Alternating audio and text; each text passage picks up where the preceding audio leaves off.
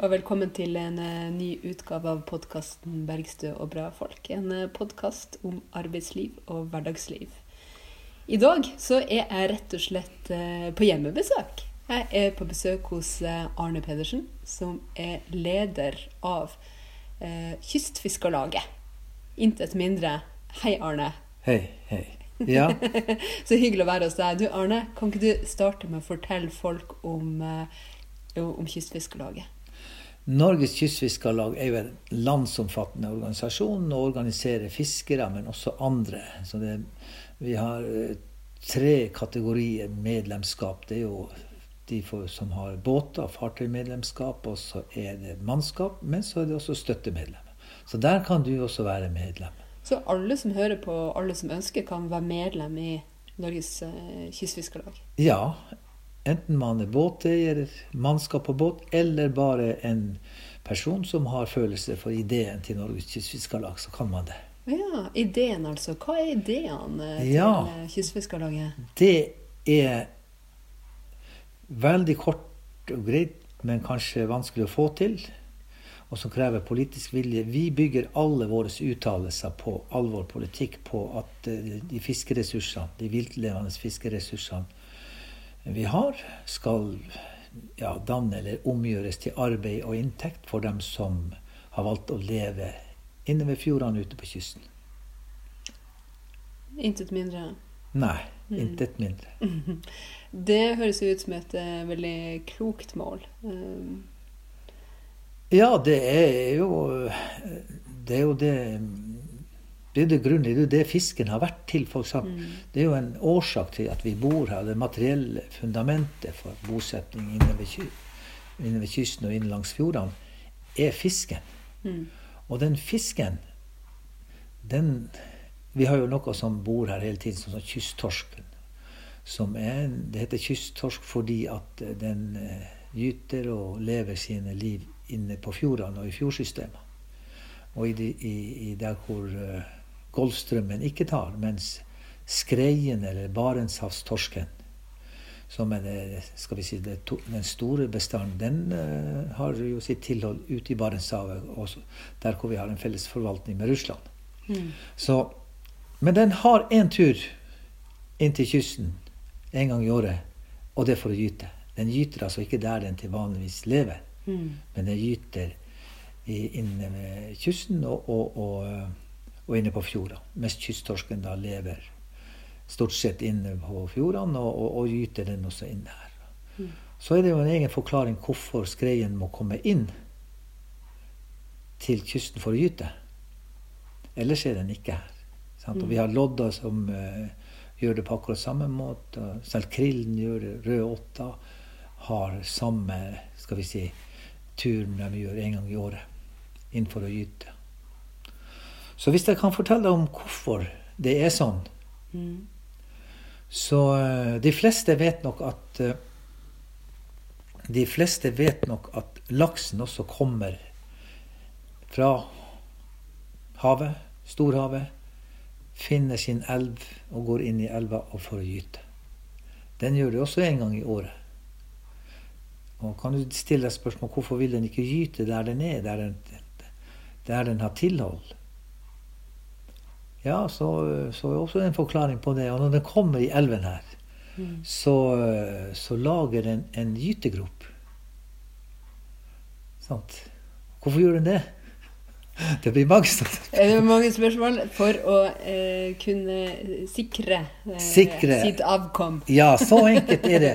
Og det avkommet der, det kan bare sikres når rogn og melke slippes ut i stillestående vann. Mm. Og i en sånn gytegrop i en elv, så selv om det er en elvestrøm, så vil elvestrømmen flyte over gropa, og i gropa så kverner bare vannet. Det står stille. Og der finner, der finner yngelen og den nyklekte og ikke svømmedyktige laksen den finner beskyttelse, men den blir også det, mm. der. Men de, skal vi si, den rogna som kom, faller utenfor eller kommer, havner i strømmen, enten den er slakk eller sterk, ja, det blir det ingen laks ut av, fordi at den vil være utsatt for, for andre ting som eter den. Og den, du får ikke den befruktninga. Og det er akkurat likedan med torsken. Mm. Sånn. Torsken må inn til strømstille fjorder for å gyte og for å få vellykka gyte. Derfor så har vi Derfor så er og spesielt Finnmarksfjordene helt spesielle i den sammenheng. En fjord er en fjord fordi at ytterst i fjorden har den en terskel. Og under terskelnivå, altså vannmassene under terskelnivået, står stille. Og der har vi gyteplassene for skreien, for lodda, for kysttorsken og flere andre eh, fiskeslag. Poenget er hele den syklusen der hviler på at rogna må slippes der vannet står stille. Og dessverre så er det sånn at all utslipp i dette landet, enten vi er i sør eller nord, går ut i, eh, i det her fjordsystemet. Det går ikke ut der Golfstrømmen tar, tar forurensninga eller kloakk eller hva det måtte være, eller utslippene med seg og driver det rundt i verdenshavet. Det blir inn, ikke sant. Alt fra oppdrett, fra gruver, fra landbruk, industri. Alt. Og, og, og det som skjer nå, er jo da at, at de her gytefeltene er utsatt for kraftig forurensning.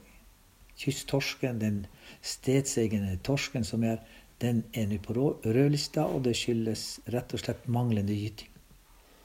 Gyteplassene for, for skrei, torsk og andre fisk er utsatt for forurensning, og i forurensa vann er det ingen fiskeslag som slipper rogn.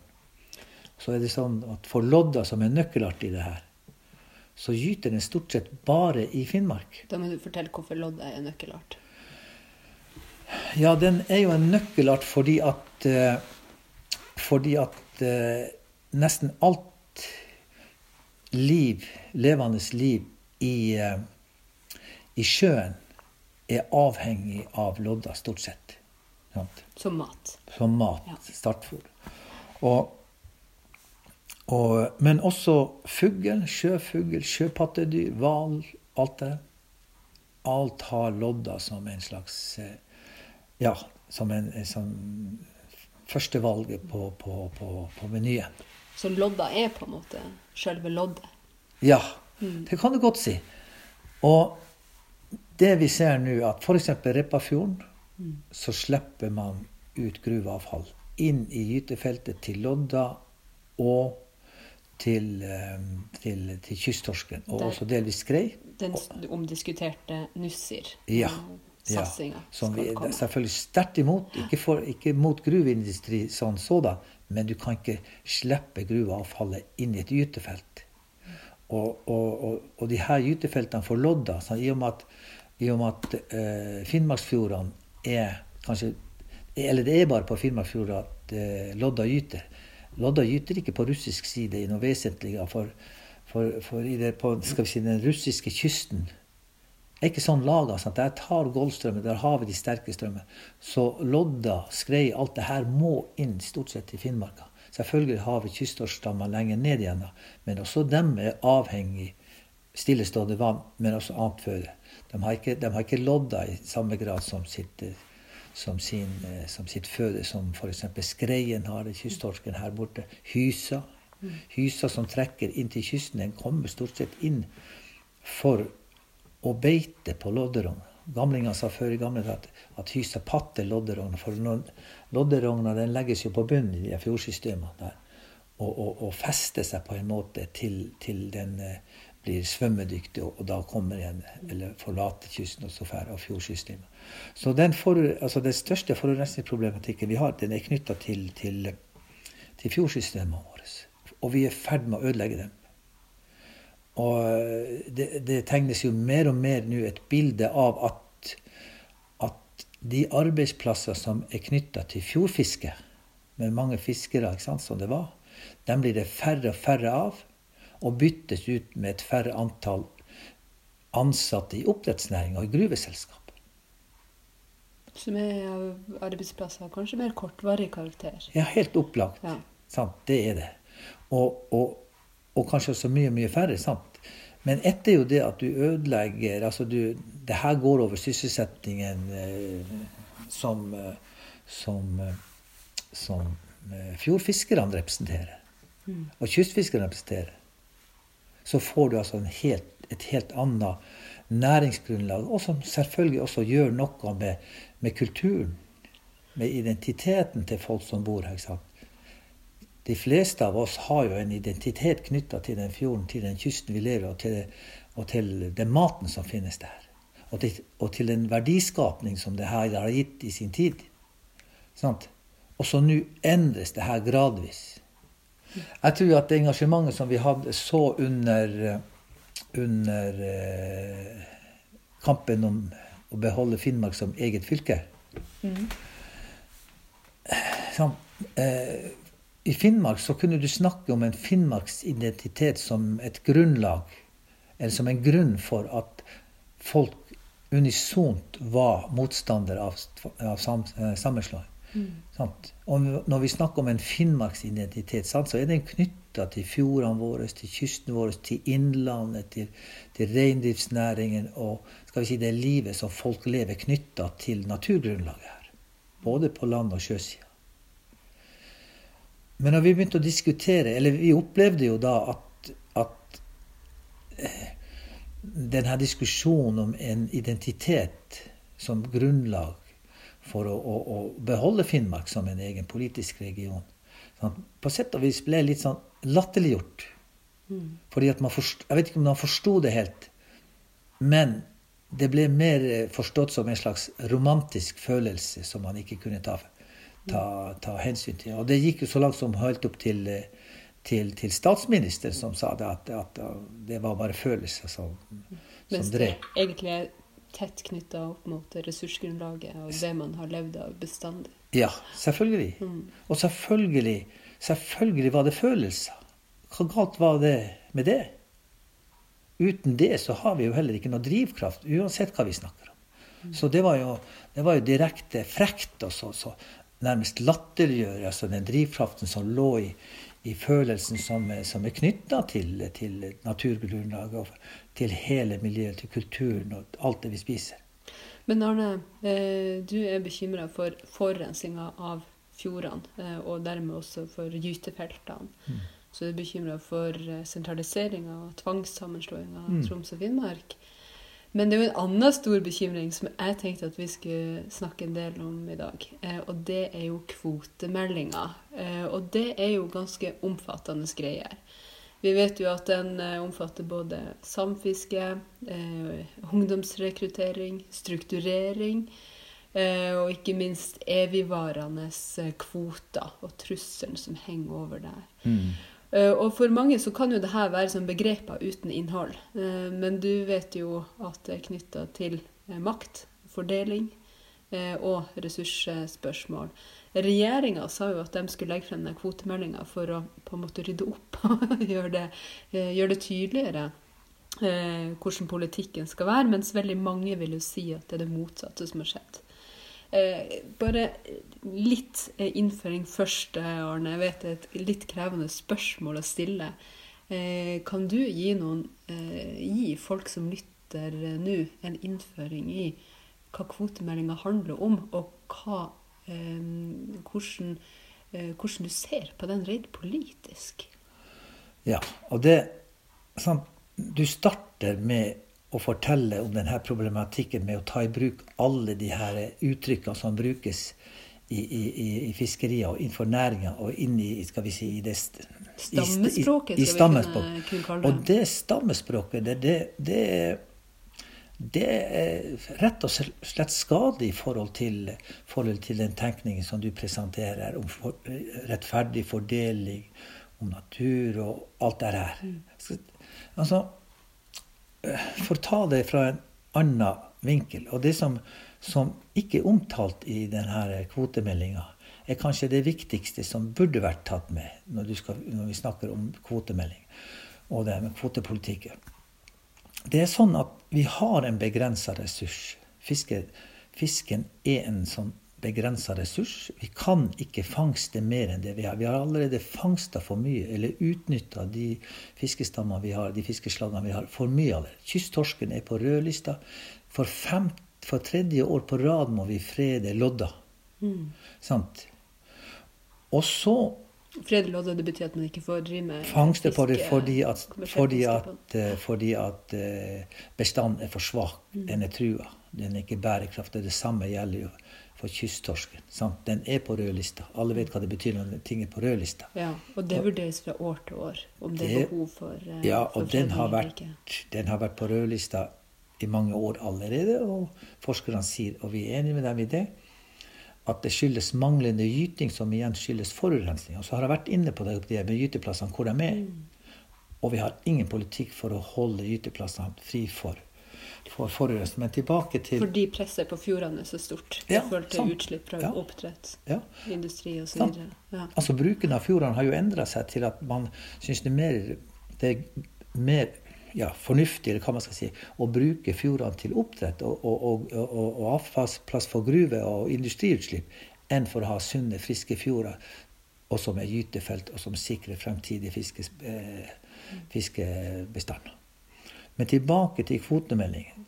At utnevner seg at, at den Vi har en bestemt mengde fisk vi kan fange. Ikke sant? Og den har ikke variert så veldig mye fra år til år.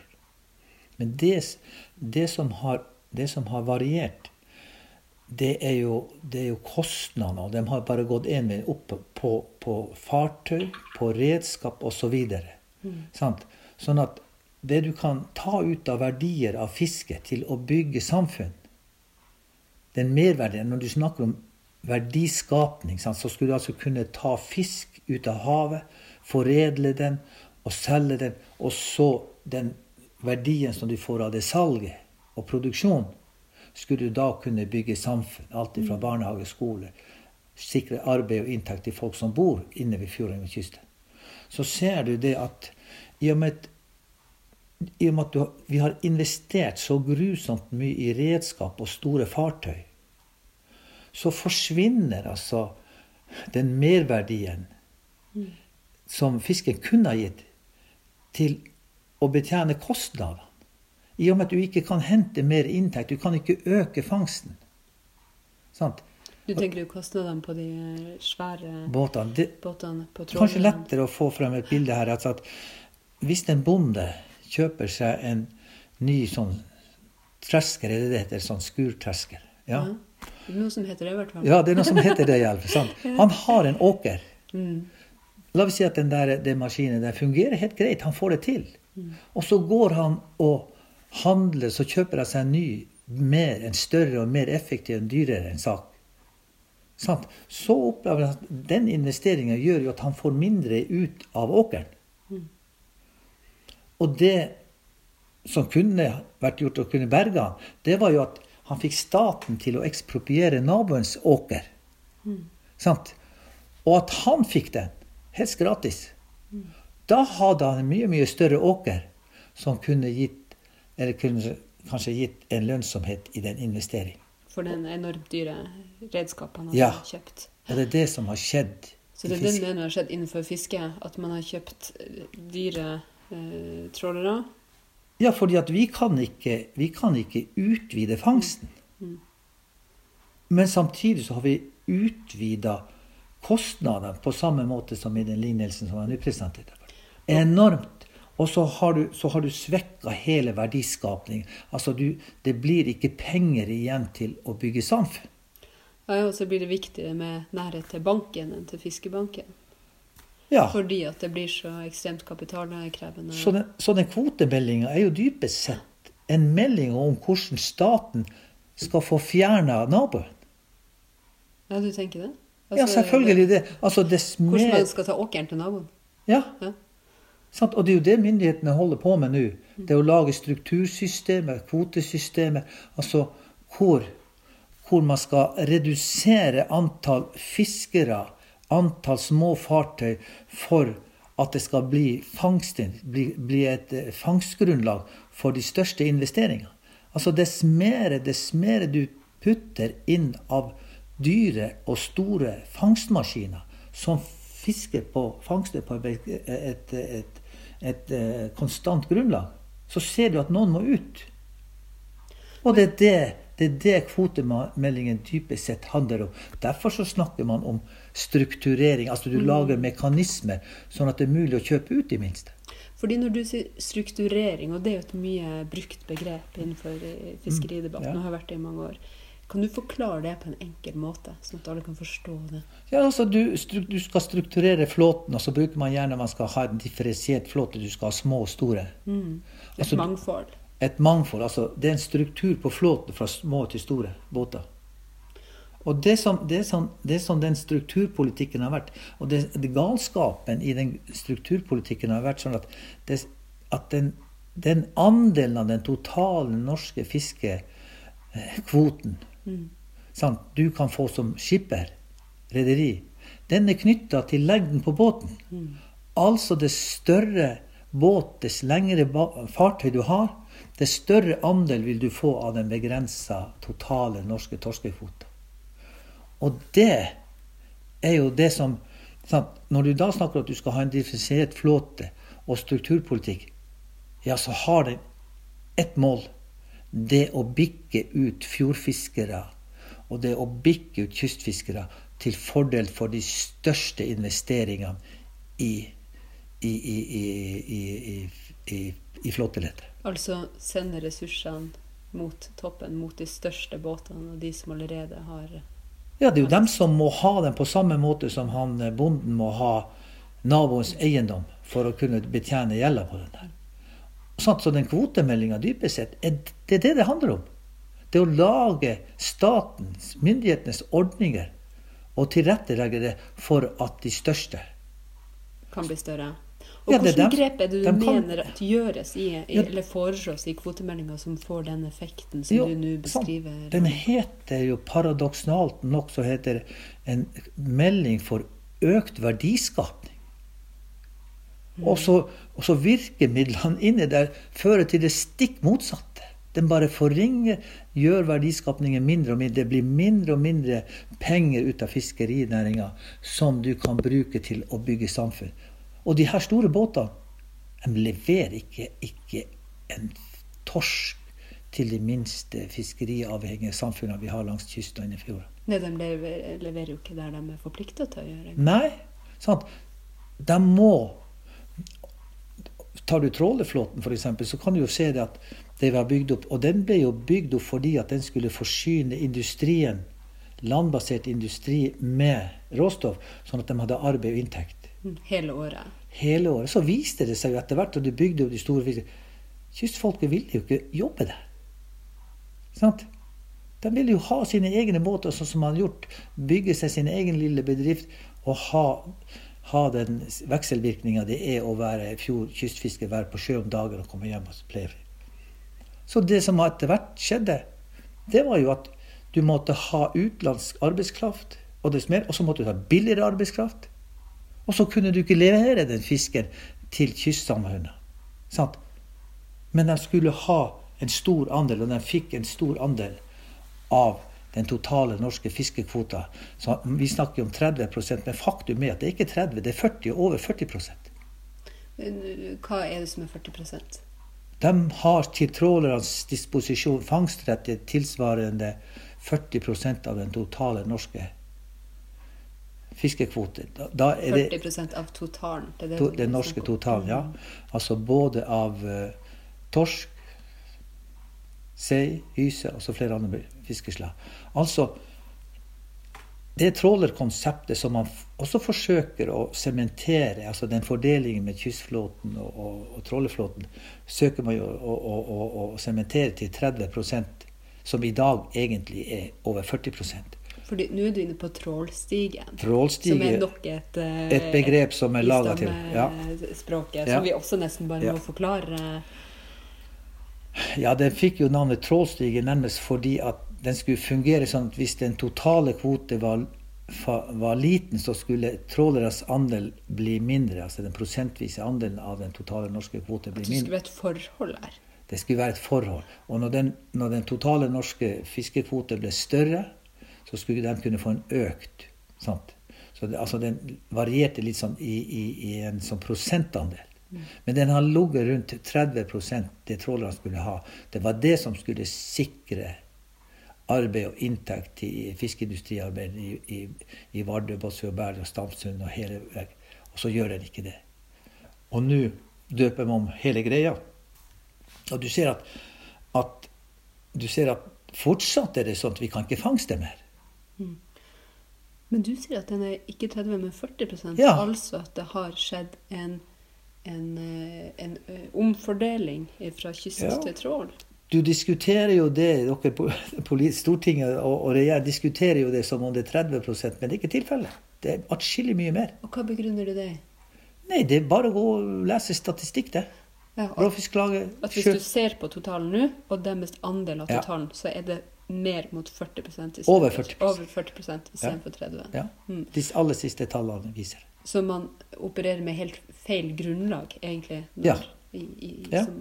Sant. Også hvis du da setter det inn i hele den, den grunnleggende tankegangen rundt, rundt hele kvotemeldingen, kvotepolitikken, så ser du som skulle tilpasse fangstkapasiteten til den totale norske øh, fiskeflåte til det, det, vi har å rutte med etter forhandlinger med Russland, av, mm. så ser du det. Og, det, og så kan du lage et kvotesystem for, for mer verdiskapning. altså at du, Etter at du har solgt der i et marked, så skulle det bli penger nok til å bygge samfunn. Så ser du bare at, at det blir bare mindre og mindre. Dess større og mer effektive båter du bygger, og dess større dess mer penger du bruker til redskap for å få opp der, dess mindre blir det igjen.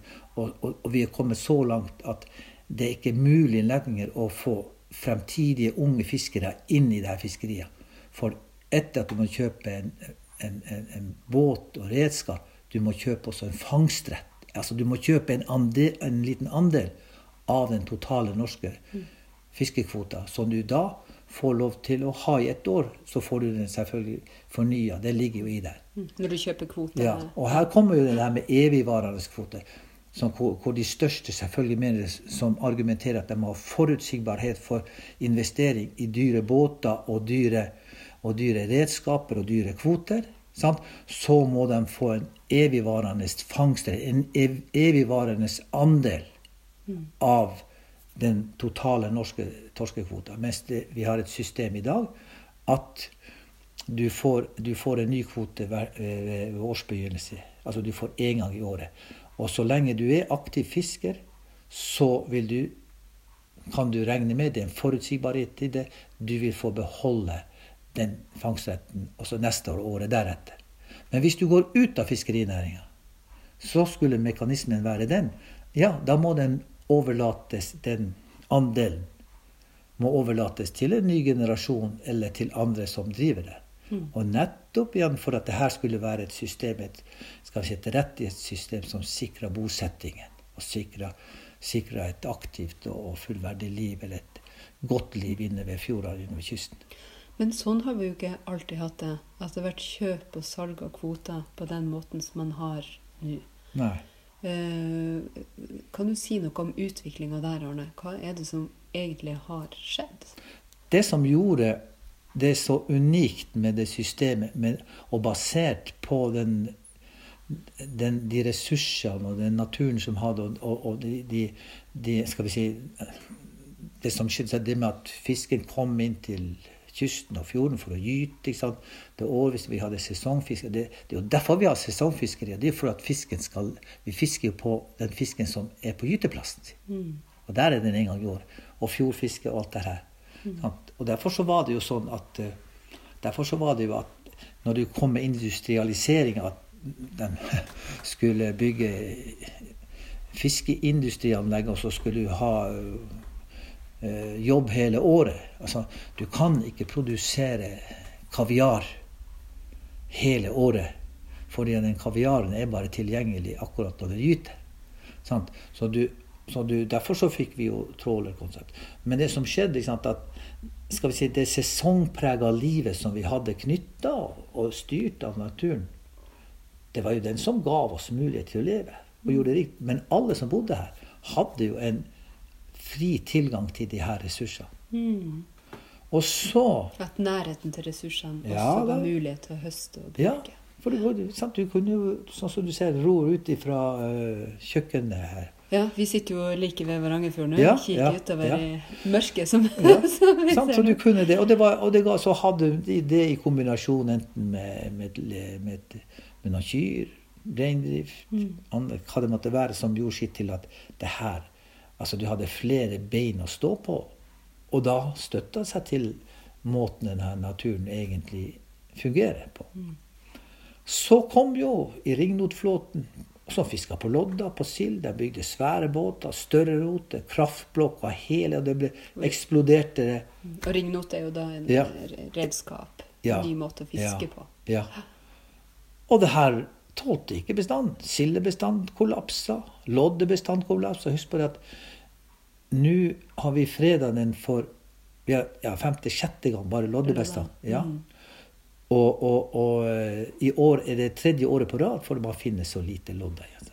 Nå kan, kan du si at ja, men vi har ikke fiska lodde, så da kommer denne problematikken. at ja, Kan det skyldes forurensning på lodda sine gytefelt inne på fjordene i Finnmark?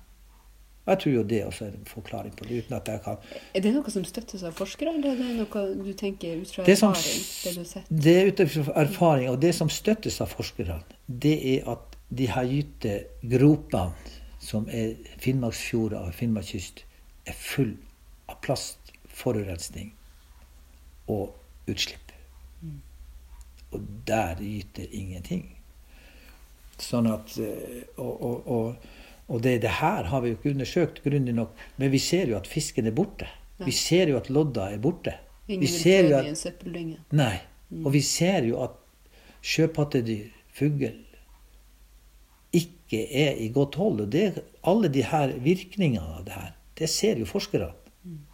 Men å gå og si at det skyldes at lodda slutta å gyte, Det tar kanskje lengre tid å konkludere med. ja, det blir drøybete, for da utfordrer du det tyngste av, av, av kapitalister med, med innflytelse og mye makt.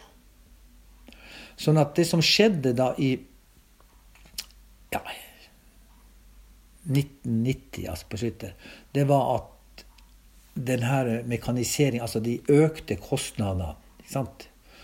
Med nytt utstyr og større Alt båter. større båter så at nei, og så kollapsa bestanden.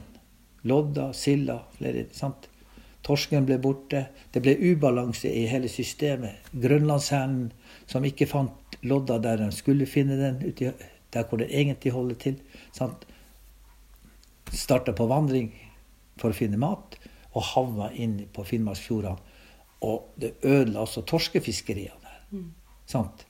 Og det var, ikke, det, var, det var ingenting til noen. Og da kom den gangen Svein Munkejord innførte eh, fra Høyre, fiskeriministeren innførte et kvotesystem, og som var så brutalt laga at de som ikke hadde fanga torsk, sant, fikk ikke fornya tilliten da torskebestanden kom opp igjen.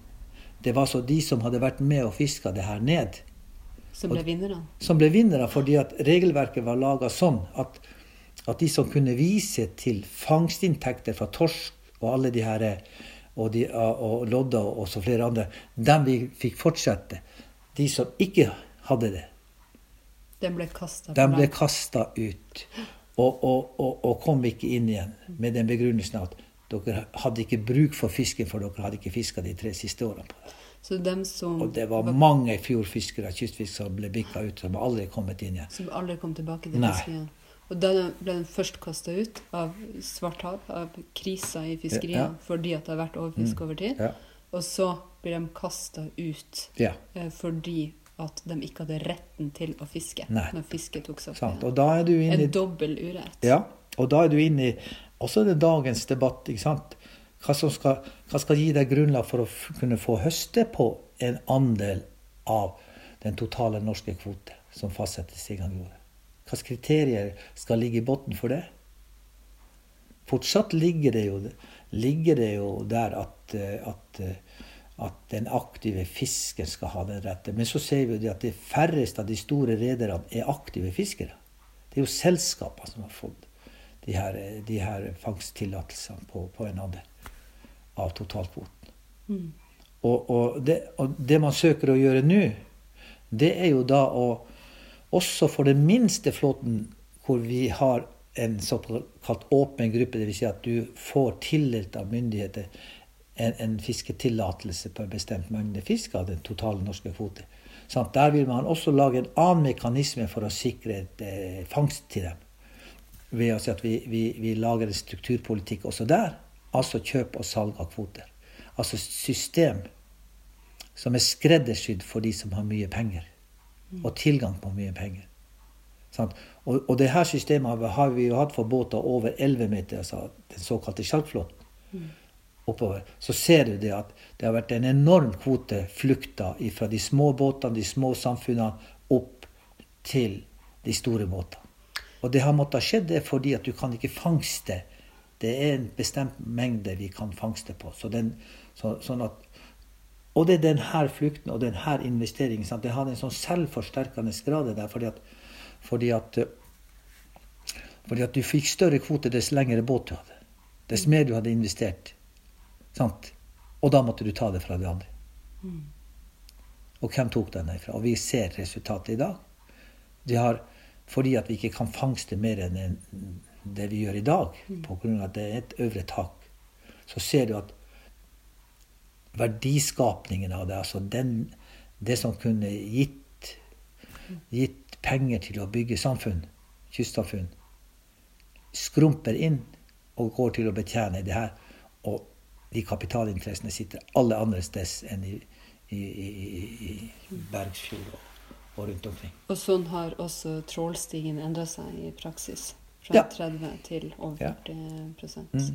Så vet vi jo altså, Nå sitter vi ved Varangerfjorden, og vi vet jo at Finnmark og og området vi befinner oss i, er jo eh, tradisjonelt rik på ressurser, mm. men fattig på privat kapital. Så det er jo klart at med de systemene der, så vil man jo forsterke en skjevhet i forhold til hvem som får muligheten til å kjøpe opp retten til å fiske. Mm. Og så vet vi også at regjeringa har fjerna um, det som før het fylkesbindingene. Altså mm. at det var geografisk bestemt hvor uh, kvotene skulle høre ja, til. Ja, og det er, jo, det, er jo, det, er jo, det er jo tragisk og umoralsk. Og og så nærmest si at man godtar at vi er fri for fangstrettigheter fordi vi er fattige på kapital. Mm. Fordi vi av historiske grunner eh, er det. Mm. Ja, men altså, vi levde, vi levde, jo ikke av å spise penger, vi levde av å spise fisk og kjøtt. Og, så, og, og, vi bygde, og, vi, og, det var enda en vare, et naturgrunnlag, som kunne som, som hvis, Når vi solgte av det vi sjøl ikke greide å spise, så kunne vi selge noe, så fikk vi penger til å bygge en skole, bygge et samfunn, bygge en kai osv. Altså, det ble en verdiskapning av det. Og så kan du si at alt dette må du forlate fordi at vi, vi er ikke kapitalistiske nok i vår tenkning. Mm. Hva, hva, sant? Altså fordi at ikke vi har kapital til å, å, å, Eller penger. Tilgang på penger for å skaffe oss en fangstrett som vi blir, som vi blir fratatt gjennom myndighetshåndteringa av, av, det her. Og under, og under en paraply. Selvfølgelig var det et edelt motiv til at vi kan ikke fiske ned dette. Sant? Men vi skal ha lønnsomhet til det. Og, det, og så fortsatt så den kvotemeldingen som ligger der nå, den heter altså det. Et lønnsomt eller, eller et økt verdiskapning mm. gjennom kvotesystemet. Hva mener du Vi skal snakke litt om mobiliseringa mot kvotemeldinga. Men hva øh, mener du og Kystfiskarlaget at er, må til? Hvilke politiske grep er som må til for å endre på den, den uretten? For vi ser jo at det i veldig lang tid øh, har vært en, en, en, en urett i forhold til fordelinga mm. mellom kyst og trål. Uh, og det får jo store konsekvenser for landsdel, for lokalsamfunn. Mm. Eh, og for muligheten til å utvikle samfunnene våre der vi bor. Eh, hva, hva tenker du at det er det Nei, altså, det, det er jo to utfordringer vi har, og dem har vi jo for så vidt vært inne på hele tiden. Og, og, det ene er som vi ikke har snakka så mye om nå, men det er jo utslipp til, ut i klima, altså ut i luft fra fiskebåter. Altså for luftforurensning. Skal, fiske, skal fiskeflåten ta sin andel av av, av, av, det utslippet som må ned. Det andre er jo det vi slipper ut i sjøen og får peste gyteplasser med. Men så kommer den, den, neste biten, å sørge for arbeid og inntekt og til folk som lever ved kysten. Altså, altså økt verdiskap. Altså, har du arbeid og inntekt i et samfunn, så har du mulighet også til å bygge et samfunn. Og det er ingen vei utenom. Skal du øke verdiskapinga, som er ambisjonen til hele det, til, til, til regjering, men også til opposisjon Jeg har ikke oppfatta at det er noen partier på Stortinget som ikke vil ha økt verdiskapning. Men det kan du ikke få. Du kan ikke få med mindre du tar ut de kostnadskrevende investeringene i, i, i, fiskebåter og redskap. Du må ta dem ut. Du må ta ut, du må satse på den flåten som ikke stjeler muligheten for merverdier gjennom det å, å foredle fisk. Ja, så er det jo et spørsmål om fordelinga av uh, gevinsten òg. Eh, ja, ja, selvfølgelig. Ja, økt verdiskaping for, for, for hvem? Ja. Og du, du, er jo veldig godt kjent med SV sitt uh, forslag til grunnlovsendring. Ja. ja. og rett og slett slå fast i Grunnloven at fiskeriressursene skal eies av folket i fellesskap. Mm -hmm og forvaltes på en måte som sikrer bosetting mm. og arbeidsplasser på landet. Og Grunnen til at vi har fremma det, er jo rett og slett fordi at vi ser at vi trenger en dramatisk dreining mm. i måten å tenke fiskeriressurser på og fordele dem på. Ja, og du kan si at For det er jo et spørsmål om fordeling. Er Fiskeripolitikk er jo til sjuende og sist et spørsmål om fordeling. Ja, det er og fordeling, for det er en verdi. Det er grunnlag for arbeid og inntekt, og det er en verdi som kan danne grunnlag for arbeid og inntekt til folk. Og, og, den, den grunnlovsfestingen der var jo helt riktig å gjøre. Sant? Og vi støtta det jo helt ut og, og mener at det, er, det, det må grunnlovfeste.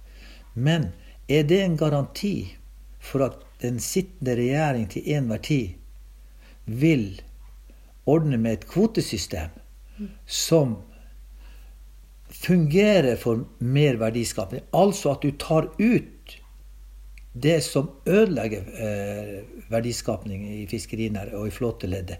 Altså de altfor store kostnadene knytta til store fartøy og til dyre fangstredskaper. Du må ned med kostnader. Mm. Kapitalisering av fiskeri må Ja, bruk gjerne det, men det, det ordet for det. Men for meg er det sånn at du får ingen verdiskapning. Du får ingen mulighet til å bygge samfunn, kystsamfunn, fjordsamfunn, hvis du ikke plukker ut det som stjeler verdien og verdiskapning, som ødelegger verdiskapninga. Og i og med at du ikke kan fangste mer, så er det bare en måte. Du må redusere. Du må redusere. Og det fine med det at du reduserer, det er jo ikke sånn at det ikke blir redskaper igjen og båter som kan fangste det som kommer inn på fjordene. Og det vi har det vi med, vi med forsvarlighet kan fangste. Den sjarkflåten som vi har under 11 meter, den tar en god del. Det er jo den som blir oppfatta som et problem. Fordi at det er ikke fisk nok til, til de store kostnadsøkningene, eller de store investeringene. Så, så det, sånn, Sjarkflåten kan du jo gjøre Den kan du jo drive miljøvennlig med, med, med grønn energi for å bruke det, men det kan du ikke med en tråler. Jeg blir stående fast med vindkraft eller hva du nå forsøker. Så, mm. det, så uansett parameter, uansett hva du bruker på, i og med at du ikke kan fangste mer, og hvis du skal sikre det her for fremtiden, ja, så må du ned med de, med, med, med de inngrepene eller de investeringene som ødelegger verdiskapet, som ødelegger grunnlaget for bosetting og bygging av samfunn. Og da mener du at man må ha en omfordeling fra troll til kyst? Ja, selvfølgelig. Men myndighetene må jo også føre en politikk som ikke ødelegger verdiskapingen. Og kvotemeldinga er jo et redskap for å ødelegge det enda mer. Hvordan er det dere jobber eh, mot kvotemeldinga nå, Arne? Hva er det dere gjør for å prøve å stoppe den og få fiskeripolitikken i en annen retning? Det, har, de siste årene har vi stort sett eh, reist rundt med det her budskapet så her, på en sånn måte som at så, og vi har vært i Stortinget og informert stortingspolitikere. Vi har gjort uh, mye annet. Og vi ser jo det at mot beslutningstakerne i Oslo så er det infisert av lobbyister. Og de som har mest innpass der, er de som har mest penger. Det virker også den veien. Sånn at, uh, men vi har kommet til ordet. Og vi har sagt, jeg tror de vet hva vi står for. Vi har sendt det både muntlig og skriftlig. har vi tatt dem i tale, og, Og ære være dere i, i, SV som på en måte har tatt oss veldig godt imot, både med budskapet og det å lagt til rette for at vi skal kunne. Men det vi vet som rikker politikerne, ja, det er rå politisk makt, og den representerer velgerne. Så det vi gjør nå, det er å kjøre med et informasjonsopplegg mot velgerne. Hvor vi presenterer verdigrunnlaget som jeg har fortalt om. Presenterer den, skal vi si, den, natur som ligger i, i bunnen for det her. Og vi også presentere innholdet i kvotemeldinga og vise hvordan, hvordan det her egentlig betjener mer og mer eh, de kapitalsterke interessene og mennesker som har mer enn nok av penger fra før av. Mm. Så dere driver med folkeopplysning ja. og mobilisering? Ja. Vi ser jo at den grunnleggende idé som ligger i, i kvotemeldinga, den kommer ikke ut til folket flest. og den, det, Man bruker jo et språk der som, som ekskluderer 99 av den norske befolkning. Til tross for at det er dem som eier den fisken som summer vill i havet. Mm. Og det er vi nødt til å gjøre. Og hva er dere gjør da? Dere prøver å oversette stamme, stammespråket til ja. Eh, folkespråket? Ja. ja. Håper du skal få se litt av det vi skal gjøre. Vi skal begynne med et folkemøte i Tromsø nå. Så har vi planer om å gjøre? Den 22. januar klokka 6.18 på Prelaten. Mm. Dit må dere gjerne komme. Skal vi se om vi ikke Alle som hører på, er velkommen ja. dit? Vi har ikke vi, vi, vi ja, alle kan ikke, Vi har ikke hyra inn kjendiser for å fremme budskapet her. Det vi, trenger man jo ikke. Nei, vi skal Kommer ikke du? Jo. Ja, det er jo eh, Får man bedre fiskerikjendiser enn lederen i Kystfiskarlaget? Nei, det tror jeg ikke. Ja, fiskerikjendiser Men altså, vanlig å bruke de her som vanligvis opererer på TV-en i underholdningsbransjen. Men, men, Vet du hva, det er jo et dypt uh, tragisk uh, demokratisk problem. Ja, Hvis man må ha en eller annen kjendis for å fremme et budskap. Ja. Du blir jo sikkert invitert til en hel masse konferanser og, så, og, og alt mulig, og så er det alltid en, en kjendis som er, er debatt, fancy kjendis. Eller en sånn der sportsmenneske som skal få folk til Og på dyre konferansehotell hvor vanlige fiskere ikke har sjanse å komme. Ja. Men, men, så det skal vi gjøre. 22.1 klokken 18 på Prelaten i Tromsø skal vi videre til uh, Svolvær. Vi har planer om å nå Stamsund, Bodø, Rørvik. Rett og slett en liten turné? Ja.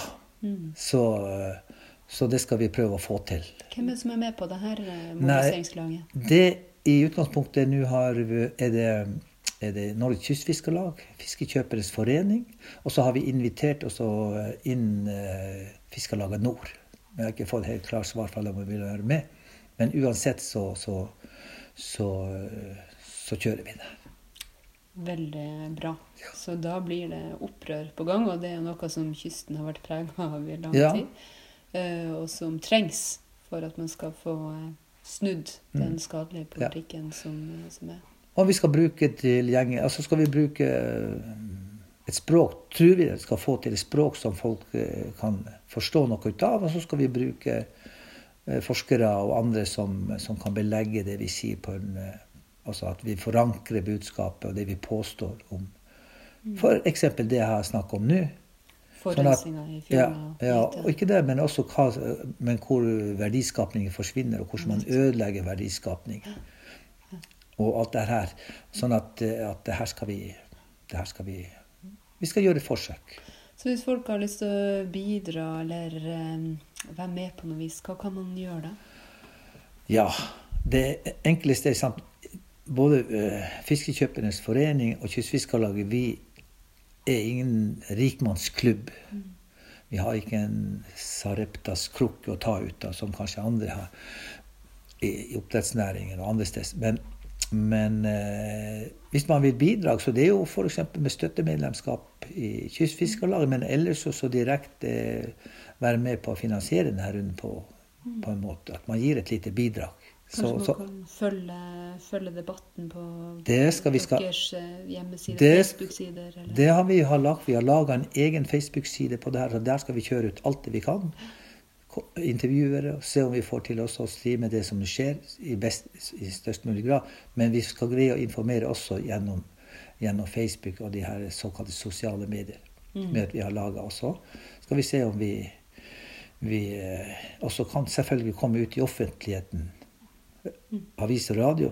Men vi vet jo at eh, skal vi få ut det her og, og, og, og gjøre det såpass grundig som man må gjøre med informasjon knytta til det, så kan vi ikke stole på verken aviser eller kringkastinger hvor du blir avbrutt med musikk og tullprat etter ett minutt. Nei, og det er jo det som er så fint med podkasten 'Bergstø og bra folk', for her får bra folk snakke ut Ja. rett fra levra. Eh, så, Ja. eh, så her har vi jo et eh, godt grunnlag for, eh, for eh, mobilisering.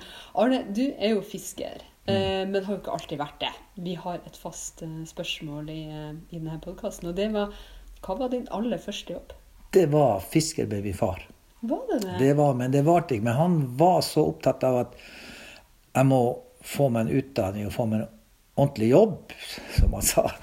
Altså ikke fiske? Ikke fisker. Og få deg jobb i Statens vegvesen, for da var du garantert Da var du sikra. Ja, sier du det?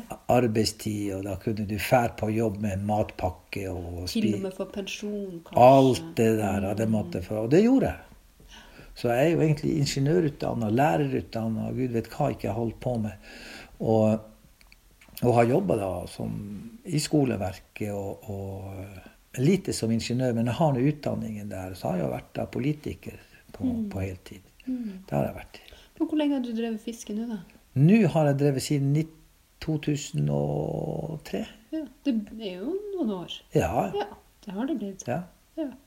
ja.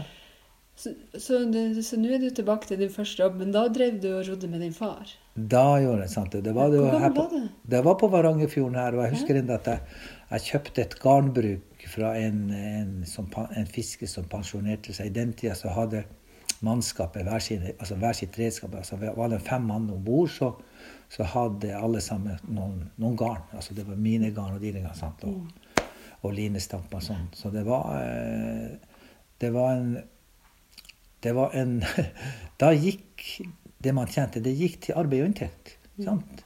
Det var sånn de bygde de små samfunnene rundt omkring. Sant? De tjente litt, de hadde til egen familie. De, hadde, de eh, gikk inn, og de kunne ordna med en butikk i bygda. De ordna med et fiskemottak i bygda. Sant? Og, og skapte et, et, et godt liv. Sant? Og det var en jevn fordeling. Sånn altså, der, der, der I utgangspunktet så, så du hvordan man fordelte byrdene og godene. Sant? Det var ingen kapitalister som, som hadde overinvestert i et land som stakk av med penger. Da bygde man samfunn i lag. Ja, og det var Da bygde man samfunnet i lag, og det fungerte. Man kunne til og med bli gift og finne seg kjæreste. At man kunne leve kort og godt det gode liv. Nå jager man rundt etter penger som man ikke har. Og det verste er, som, jeg, som, jeg, som, jeg, som trigger meg, altså som holder engasjementet oppe hos meg, det er jo jeg ser hvordan sånne, sånne flotte kystsamfunn, hvordan ungdom ikke finner det meningsfylt å være der. ikke sant? Det blir gamlinger igjen. Og Men det har jo snudd mange plasser. det har det. Ja, at man ser at eh, Mm. der det legges til rette for det jobbes aktivt for det, så rekrutteres jo unge fiskere. og Ja, Folk og flytter hjem, ja. og det er en ny stolthet ja. som reiser seg langs Ja. kysten. det gjør man. Det ser man. Ja. Men det er klart at kvotepolitikken altså det å, Når staten med myndigheter begynner å regulere din adgang til å høste, Mm. da har du da har du gått inn i, i, i selve nerven på hele det systemet. Sant? Det er jo den kunnskapen du har knytta til det å høste eller være på fjorden, forstå vær og vind, strømforhold, alt det her, forstå naturen osv. Mm. Sant? Det er jo den som er grunnlaget for det at du kan gjøre, og det er jo de folkene som bør ha adgang til å høste. Mm. Nærheten til ressursene. Ja, det er en måte å si det. Takk for at du var med i dag, Arne, og takk for at du stadig tar kampen eh, for at fisken skal tilhøre folket. Og takk til deg som eh, hørte på. Det håper jeg du vil fortsette å gjøre. Da er det bare å si eh, godt fiskeriopprør, og ha en fin dag videre. Takk for det. Det var veldig hyggelig, det her. Ha det så bra.